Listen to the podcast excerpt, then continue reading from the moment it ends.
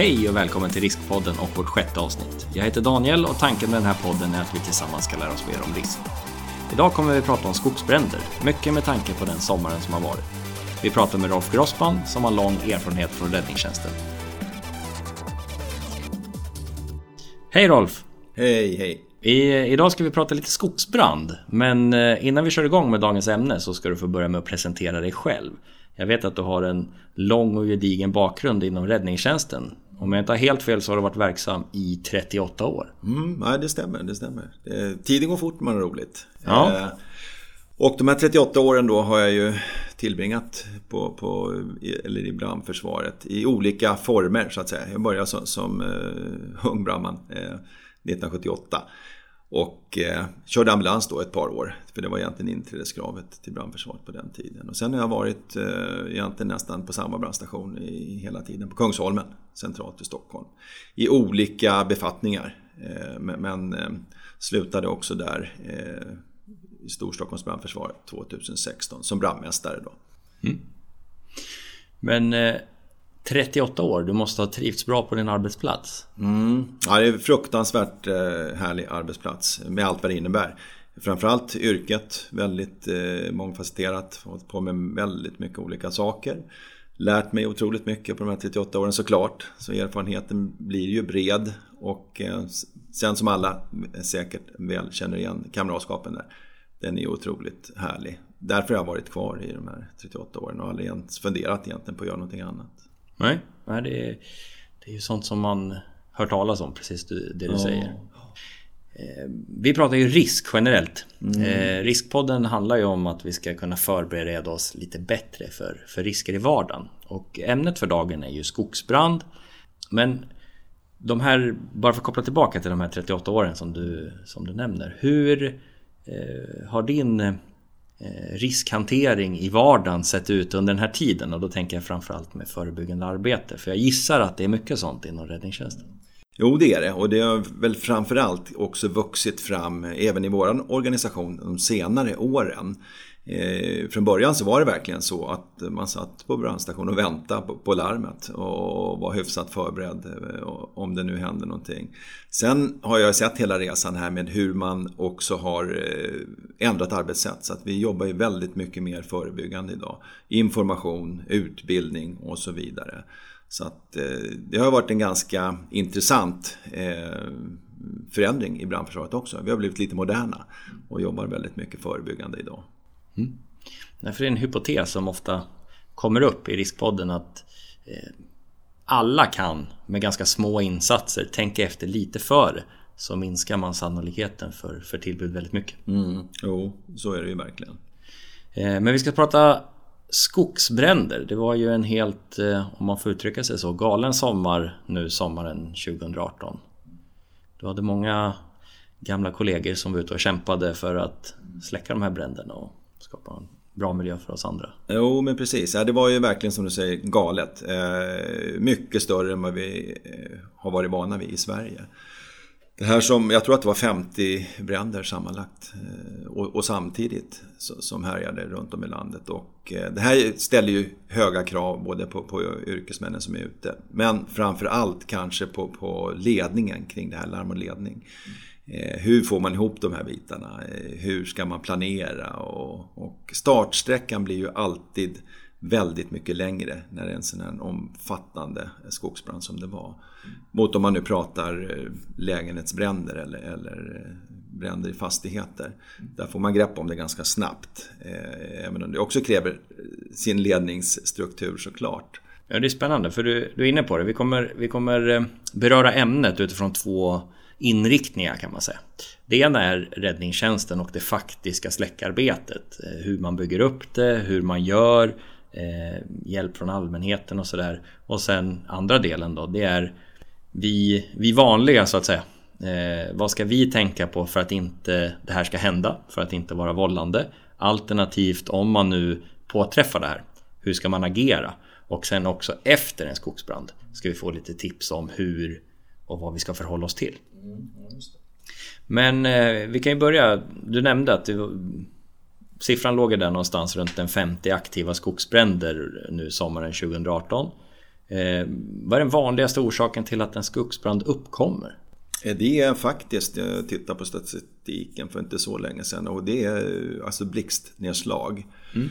Som är väldigt, väldigt vanligt. Och det beror ju också mycket samband med hur vädret har varit givetvis. Eh, lång, torr sommar och, och så kan eh, alltså vädret orsaka då alltså, att det blir en skogsbrand.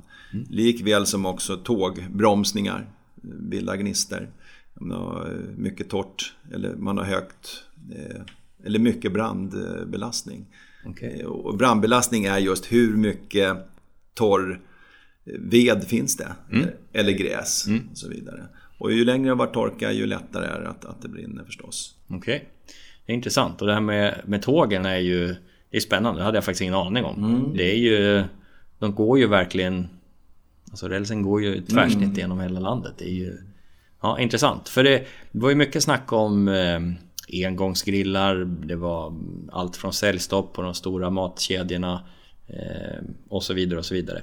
Eh, det gick ju faktiskt så långt i, som, i somras kopplat till torkan då att man fick inte ens grilla hemma på tomten i vissa områden. Det sätter ju någonstans den torkan som var i någon typ av paritet i hur... Ja, hur ja men absolut. Det här var ett exceptionellt ja. eh, år. Och det där med engångsgrillar vet jag på Kungsholmen exempelvis där, där jag har jobbat mycket så hade vi ett projekt tillsammans med stadsdelsförvaltningen där. För det fanns mycket småbränder nere vid Rålambshovsparken där och eh, ofta så hittade vi då eh, engångsgrillar som hade startat där. Mm. Så att eh, efter några månaders möten och så vidare så skaffade man fasta soptunnor utav metall där mm. man kunde slänga de här. Och så kom man till bukt med det där. Eh, så absolut, mänskliga faktorn är ofta med i bilden vad det gäller att skapa bränder. Så är det ju. Vi säger nu att vi, vi tar den vanligaste orsaken. Vi har ett blixtnedslag. Vi får en brand som uppstår. Eh, den första kritiska perioden från att det har börjat brinna. Eh, hur ser den ut? Det är ju som alla förstår så är det ju väder och vind som är väldigt, väldigt avgörande. Är det en varm sommardag där det dessutom är lite vind också, jag menar en, en brasa behöver alltid eh, syre. Mm. Och, och, ute dessutom så har den ju fri, eh, fri tillgång till syre. Men, men, hur vinden ligger på, vad det är som tar sig i spridningen, vilket håll det, det börjar dra åt, så är det ju precis hur vegetationen ser ut. Eh, som gör eh, om det blir eh, någon, någon fara för, för, en bred spridning eller inte. Så har vi en, en torr eller en lågt växande mosse så att säga så är inte det som ni förstår lika eh, stor spridningsrisk åt det hållet. Utan det får iväg där det finns gott om bränsle. Och återigen var det finns brandbelastning så att säga. Eh, någonstans. Någonting som beskrevs i, i TV mycket det var ju att branden gjorde lufthopp kan användas ett, ett, annat ord. Men vad är det egentligen? Jag förstod att, att branden transporteras ja, uppe bland trädkronorna. Det du är ute efter det, det är säkert det här du kallar för flygbränder. Det, där får man oftast glödhärdar som, som sprids med vinden då och kanske då drar iväg förbi själva brandhärden. Det kan ju också vara någon kilometer bort där man inte ha, har eh, spridning just nu.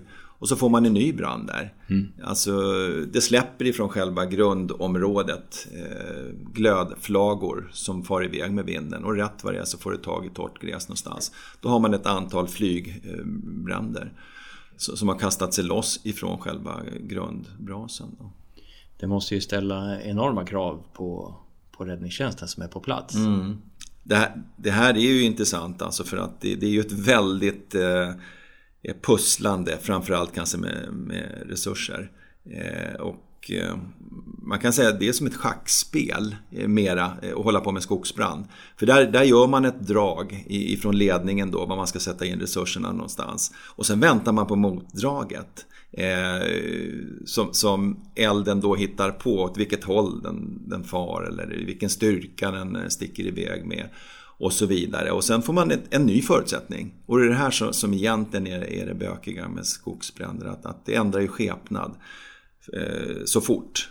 Och, och, man är då kanske inte hela tiden steget före utan man får, får göra omfall och skicka resurserna både fram och tillbaka några gånger innan man har hittat en riktning där det är på väg. Så att det är otroligt tidskrävande såklart. Så det går inte alls att jämföra med, med, med en brand i en fastighet. För det har man kontroll på egentligen. Ganska snabbt. Vi har haft ett blixtnedslag. Det har konstaterats att det har börjat brinna. Räddningstjänsten har blivit utlarmad. Du har beskrivit lite eh, ledningen som sätter in sina resurser. Men hur bygger man upp eh, själva insatsen? Om man ska dra det från att man är på väg till skogen eller vad man ska säga. Mm. Till att det eskalerar och sen också eh, när man avvecklar. Mm. Eller vad man ska säga, själva insatsen. Och vem tar över då? Nu blir det många frågor på en gång. Men ja. vi börjar med att vi är på väg till Precis, Hur precis. organiserar man sig? Och då är det ju så här att, att innan man vet omfattningen så har man kanske absolut inte tagit till eh, alla resurser som, som skulle behövas från början. För att man har ingen aning om vad man kommer att möta. Såklart. Eh, ju fler som har ringt in, ju bättre är det. Eh, vare sig det är en skogsbrand eller en lägenhet egentligen. För att när man har många eh, säkra källor att eh, läget ser ut så här. Då, då, kan man också dra kanske resurser på vägen ut. Att vi vet att oj, det, det är många som har ringt in. Eh, de berättar kanske något sånär mellan tummen och pekfingret i alla fall omfattningen. Om det är en markbrand bara eller att det är en begynnande skogsbrand. Då, då får ju också räddningsledaren en helt annan eh, input och kan eh, direkt också tillkalla mer resurser. Sen är ju allting på rull och sen är det ju ett första, första beslut man kommer till när man ser omfattningen själv då som yrkesman. För då har man kanske mer vana och ser att oj, det här eh, ser ut att, att dra iväg eller det här är redan stort. Och då får man ju börja dra i de trådarna och, och försöka få resurser till platsen. Mm. Och sen utifrån det, för, för egentligen eh, göra Eh, eller så att man ska förstå att man får inte grepp om det här kanske på, på timmar utan det här kan ta något dygn då innan man, innan man vet vad man ska ha ledningsplatsen. Vad, vad ska jag ha en brytpunkt där, där jag samlar in resurser. Mm. Och ju större det blir, sen kommer ju fler myndigheter in också och, mm. och, och, hjälps åt med ansvaret. Och bland annat MSB då som är spindeln i, i nätet, eh, navet i, när man ska samarbeta med flera olika myndigheter samtidigt. Mm. Men om man, vi, vi spinner vidare då. Vi har som sagt konstaterat brand. Eh, första enheten är på plats. Eh, du nämnde bland annat brytpunkt. Mm. Kan du förklara vad det är för något? Mm, brytpunkt, det, låter väl det är väl mera vi som jobbar med det som vet vad det betyder. Men det är en samlingsplats där, ja. dit man drar resurser. Ja. Eh, så att de vet var de ska ta vägen. Eh, för att det är en som håller i tråden här då, någon räddningsledare. Och sen, sen börjar han nu bygga upp ett scenario. Då vill man ha samlingsplatser dit jag vill ha resurser. Eh, dit jag bestämmer vad för resurser jag ska ta dit och så vidare. Det är en brytpunkt så att eh, då kommer egentligen styrkor dit och väntar på en order. Vad ska vi göra? Okay. Eh, vattenförsörjning och sådana saker. Jag förstod att en fördel var eh, utifrån där det brann att det fanns mycket sjöar och sådär i närheten. Men jag antar att man inte jobbar med tankbil bara. Nej, nej det är ju jag med. Och det här är ju också en sån där eh, springande punkt. Hur ska man... Vattenförsörjning är alltid i brand eh, väldigt avgörande. Är man inne i en storstad eller stadsplanerat område eh, så där har man ju ett brandpostnät. Där har man egentligen alltid tillgång till vatten. Det som återigen är problemet med en skogsbrand är att det är så väldigt udda med att var är någonstans och det brukar bli så stort och man har inte allt det här serverat då med bland annat vattenförsörjningen. Så den har man ju eh, tankbilar till en början kanske då och blir det större sen så får man ta in mer resurser. Och som ni kommer ihåg från i somras så var det också helikoptrar mm. och, flyg eh, som vi fick låna in eh, ifrån Europa här för att hjälpa till. Så vattenförsörjningen är verkligen en springande punkt. Och sen om man ska utveckla det mer så är det ju också så här att, att eh, det går ju att begränsa en skogsbrand utan vatten. Man gör ju då tekniska lösningar med brandgator mm. Mm, mm, och så vidare. Men, men äh, återigen, ledningsfunktionen här får ju ta någon form av strategiskt beslut. Hur, hur ska vi bekämpa den här branden? Och det är inte alltid kanske bara med vatten utan begränsningslinjer, brandgator och så vidare. Ja, för, för en sak som jag lärde mig i somras, som säkert alla känner till, men det är ju att man gör också brandgator, alltså markägarna gör brandgator med lövskog. Mm. För att den har en, ja, det är mycket, mycket svårare för, för branden att spridas via det och så vidare. Så att det är framförallt därför man har löv, lövskog runt sina hem och så vidare ute på, på landet. Det hade jag faktiskt ingen aning om. Mm. Men det var en om man ska kalla det för teknisk installation vet jag inte men, men eh, ja, det är lite samma princip. Lite ja. samma princip. Precis, ja det är det väl. Och, och eh, det här med, med, eh, Man kan ju också aktivt faktiskt göra sådana skyddsavbränningar. och det låter också, det är ett konstigt ord kanske, men, men man förstärker då en brandgata. En brandgata är ju en, en öppen area. Eh, för, och då måste man ha koll på, på spridningsriktningen och så vidare. Vilket man inte gör de första timmarna. Utan när man väl har grepp om elden. Så det här schackspelet då, eh, långtgående eller långsamtgående schackspelet är ju liksom att dra, dra de bästa dragen och, och vem som kommer att vinna det här i slutändan. Eh, och att man gör de här begränsningslinjerna då måste man ju också ta till i, i överkant i början för att inte hamna i tidsnöd. Eh, för att elden kan sprida sig ganska fort, någonstans 20-50 meter per minut, det är inte ovanligt. Eh, så att man tar till ordentligt och gör en, en avgränsning, eh, vi säger ja, avverkning helt enkelt.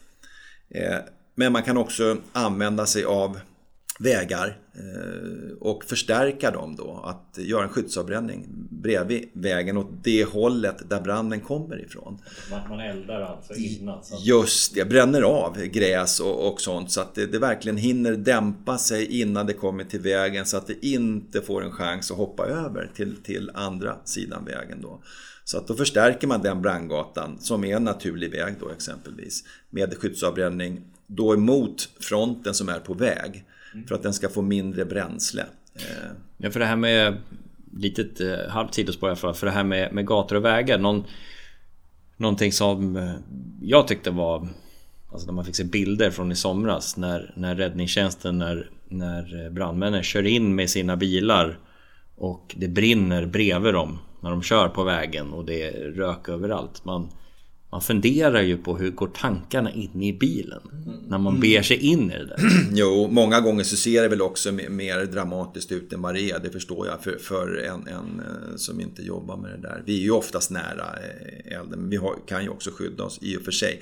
Men, men man får ju aldrig vara, ta några risker, självklart. Och det här är kalkylerat och eh, så får man också hjälp ifrån den här ledningen som ska vara navet med prognoser. Eh, man vet, eh, är det på väg att fana eh, elden och så vidare. Eller finns det någon risk att åka in här nu eller inte? Så det är väldigt sällan, helst aldrig, några beslut utifrån någon som är i frontlinjen. Utan det kommer ett strategiskt beslut ifrån ledningen. Med prognoser och all möjlig annan teknisk hjälp såklart när vi, är på, när vi är på plats, som sagt, vi har pratat eh, du har beskrivit eh, den övergripande strategin, hur viktig den är. Om vi nu går in att en av de här schackpjäserna som är utplacerade, det är x antal brandmän som nu befinner sig inne i skogen och släcker elden krast med vattenslang. Då. Vattenförsörjningen är säkrad och så vidare. Och så vidare. Jag har förstått att det finns, det finns en del utmaningar, både att det brinner uppe i trädkronorna. Eh, du har gräs och sånt som brinner på marknivå. Men sen en stor utmaning har jag förstått också är att det faktiskt brinner under jorden. Mm, mm. Och det är säkert många som inte känner, känner till. Eh, och det behöver man inte ha någon, någon, stor skogsbrand utan det är en väldigt vanlig eh, orsak eh, till, till, mindre skogsbränder. Det är att folk grillar ute i vår natur. Vi är ju na naturfolk här i Sverige, gillar naturen och har, har fri tillgång till den. Eh, vill då också göra pricken över i och få grilla sin korv ute också förstås. Och, och sen tror man att man har släckt det där. Men, men glöden har en, en viss förmåga att överleva i väldigt syrefattig miljö. Så det här kan ju dra sig ner i, i, i backen då. Stor som liten brand då och eh, egentligen överleva i ganska länge. Eh, I dygn, i veckor. Eh, krypa vidare. Eh, och, och sen i slutändan kanske starta en ny brand. Så det här med att släcka en liten lägereld eh, får man inte vara för slarvig med om man ska börja där. Eh, vi har ju hjälpmedel också om vi åker ut på, på mindre markbränder att blanda in skum i vattnet för att sänka ytspänningen på vattnet, att få ner det i backen. Och vi gräver samtidigt också så att vi, vi vill verkligen inte åka dit en gång till för att det har tagit sig utan släcker då ordentligt. Det är alltså rotsystemen som glöden vandrar ner i? Eh, både i rötterna, men vi ser nu eh, effekterna av en skogsbrand är att vi har ju väldigt många trädstammar som brinner och det här eh, är ju väldigt mycket, mycket brandbelastning då, mycket saker som kan brinna och det brinner ganska häftigt. Och det gör ju också att rotsystemet eh, brinner av och, och, ibland kanske inte ens brinner av utan trädet står kvar men då har man skadat rötterna sen också, egentligen dödat dem och de blir mycket skörare. Vilket gör att, att träden är ju egentligen en, en risk sen att bege sig in i ett område där det var en skogsbrand. För att rötterna håller ju upp trädet i en frisk rotsystem. Hur bedömer man det, apropå på risk och, och, bedömning generellt? Hur bedömer man det under själva släckningsarbetet? Mm, det finns inte så mycket val egentligen utan man måste ju kanske in och rota i det här men, men ha det i beaktande. Eh, och det vet alla brandmän som jobbar med det där att det är en stor risk att, att rätt vad det är så kan det komma ett träd fallande då så, som framförallt om det är kolsvart redan. Då har det brunnit ganska ordentligt där. Eh, men trädet står fortfarande. Då kan rotsystemet vara skadat och inte alls samma bärighet längre. Eh, skulle du säga att, att fallande träd och, och sådana saker är den enskilt största risken för brandmännen som är inne på en på en sån plats? Ja, eh, både och. Det, det, det, är, väl, det är en av riskerna. Sen är en, en annan risk när man är inne i, om man nu jobbar eh, med offensiv släckning där man sätter in brandpersonal i närheten av fronter och så vidare. Så är här också mer att det kan vända rätt vad det är. Alltså en, vind, eh, vinden vänder och sen hamnar man i trångmål.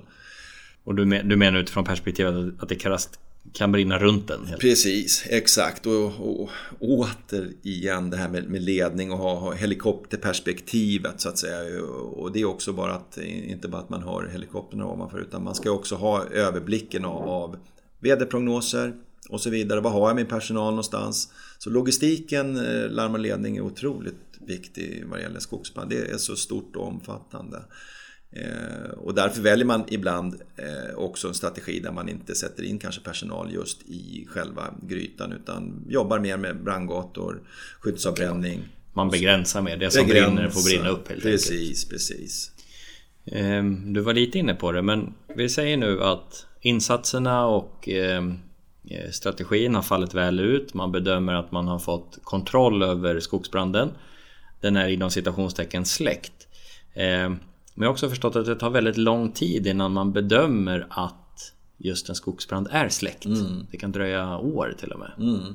Vad beror det på? Jo, men det är just det här med, med att glödbränder kan överleva i så syrefattig miljö. Och det finns väldigt mycket, det som inte vi ser, som, som fortfarande är eh, brännbart. Eh, och, och sen kanske många känner att nu har det släckt, man ser ingen öppen låga. Men, men det kan fortfarande som sagt finnas glödhärdar kvar som rör sig i backen. Väldigt lömskt egentligen. Eh, det man ser, det ser man. Träden står där kolsvarta och så vidare. Eh, det är en risk, men sen också det här med att det kan faktiskt blossa upp eh, efteråt också. Så det, det tar väldigt lång tid innan man med säkerhet kan säga att, att det här är släckt.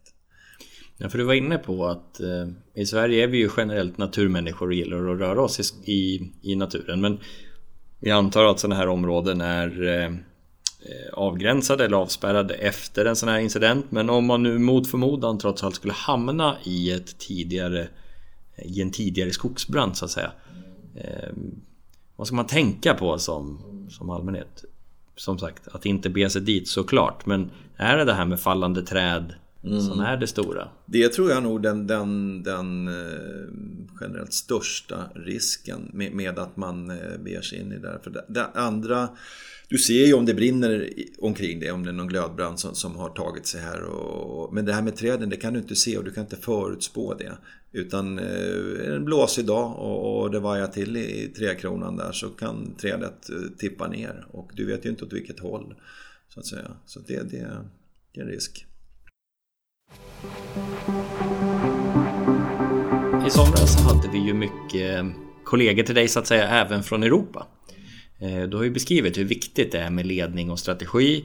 Eh, hur koordinerar man eh, med, med utländska kollegor helt enkelt? Mm. Tar de över ledningsfunktioner också eller hur fungerar det där? Mm. Man använder ju den kompetensen som man har, som man har bäst. Alltså den, den eh, som jag sa, exempelvis vet jag att, att Frankrike har bra beräkningsmodeller. Så, så, nu vet inte jag exakt eftersom inte jag eh, deltog själv i det här släktningsarbetet. Men Eh, det vore ju klokt att använda eh, kompetensen där den finns. Så det skulle inte förvåna mig om, det var fransmän som satt med i, i de här eh, beräkningsmodellerna och tog fram hur fort kan den sprida sig elden och åt vilket håll och så vidare. och så vidare. Det här har inte vi riktigt, riktigt den kunskapen i Sverige vad jag har förstått. Och det här är ju också den största branden som vi, har haft vad jag förstår. Mm. Eh, och, och får ju lära sig av den och, och, man pratar till och med redan nu om att skaffa egna flyg och så vidare. Ja, för det är en, eh, det är en följdfråga som jag har. Nu, mm. nu pratar man mycket om miljön och att risken för extremväder med mycket torka eh, att det troligtvis är kommer bli vanligare. Mm. Och om vi nu kan förvänta oss mer sånt här väder Hur jobbar man inom räddningstjänsten för att förbereda sig? Och det kanske inte bara räddningstjänsten men om man tänker MSB och så vidare. Mm. Hur rustar vi för framtiden? För ja. det blir en ny risk att förhålla sig till. Ja men absolut. Jag menar, är det någonting som är på tapeten idag så är det miljön. Eh, inte minst med vad vi har följt eh, valdebatten här så pratar man mycket om miljön och man måste ju beakta det och vi försöker ju alltid omvärldsbevaka och, och titta och nu förstår ju vi också eh, eftersom det har drabbat oss själva här i, i Sverige att vi, vi, kan ju bli drabbade igen och det vore ju väldigt oklokt att inte börja rösta redan nu.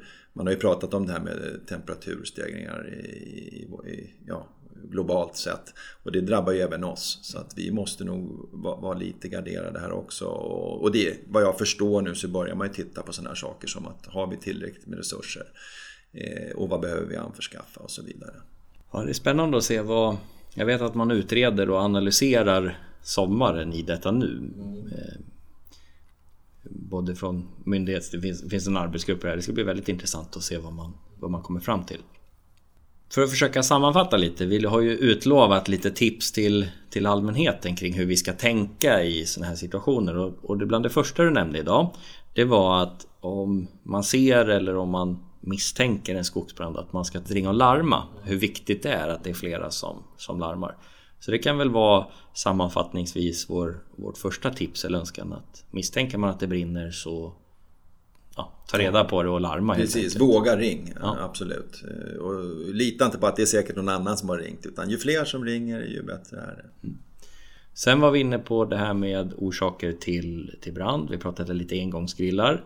Eh, både vad man ska tänka på i, i, i lite mer tättbebyggt område där ofta, oftast finns upp, uppsamlingskärl och sen om man befinner sig ute i naturen och har gjort en, en lägereld att man verkligen ska vara noga med sin, sin släckning. Mm. Gärna ett par gånger extra. Mm. Jag tror den kom rätt högt på den här listan som jag tittade på för, för, för någon vecka sedan där, där vi sa att blixtnedslag var det vanligaste. Eh, att lägereld, eh, mm. om man nu får kalla det för det, ligger väldigt högt upp där. Jag kommer inte ihåg, fyra, femma någonstans eh, mm. på en tio, tio lista. Så absolut, eh, mänskliga faktorn och, och det här med eh, öppen eld.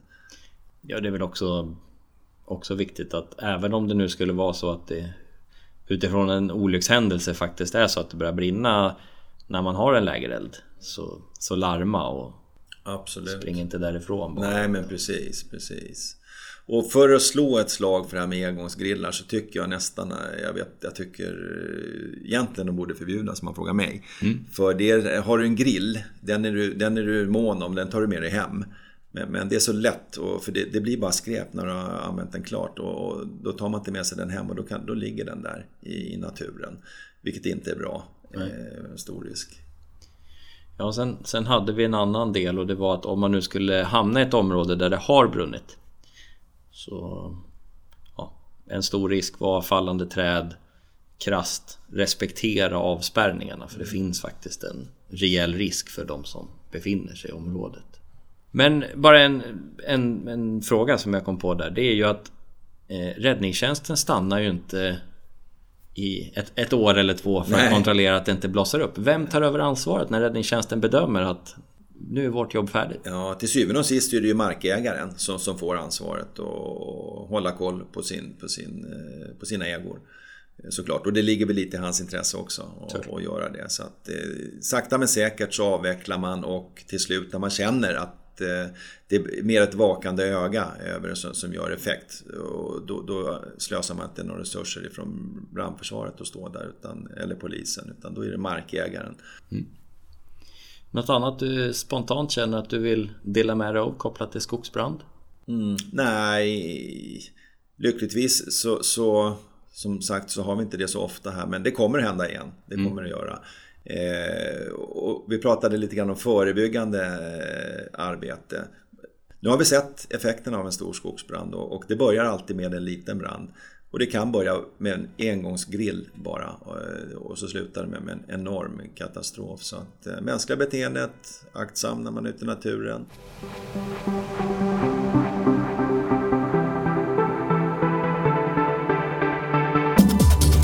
Men eh, min sista fråga till dig. Det är faktiskt en sak som jag har hört om dig. Mm. Det är faktiskt att du är den brandman i Sverige som har sett flest NHL-matcher. Jaha, ja det är klart. Är det så? Det vet jag inte. Det, det kanske finns någon annan brandman. Men jag har sett många. Eh, och då syftar det på min son förstås. För, för, han har spelat där i 12 år i NHL. Och då var det frekvent åkande över och, och se.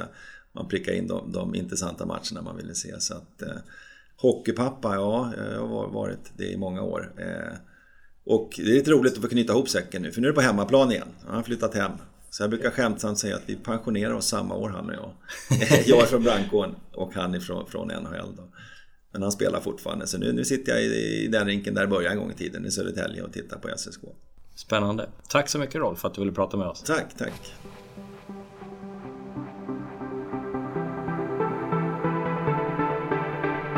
Idag har vi fått lära oss en del om räddningstjänstens strategi vid skogsbrand samt fått lite tips om hur allmänheten kan bete oss kopplat till ämnet.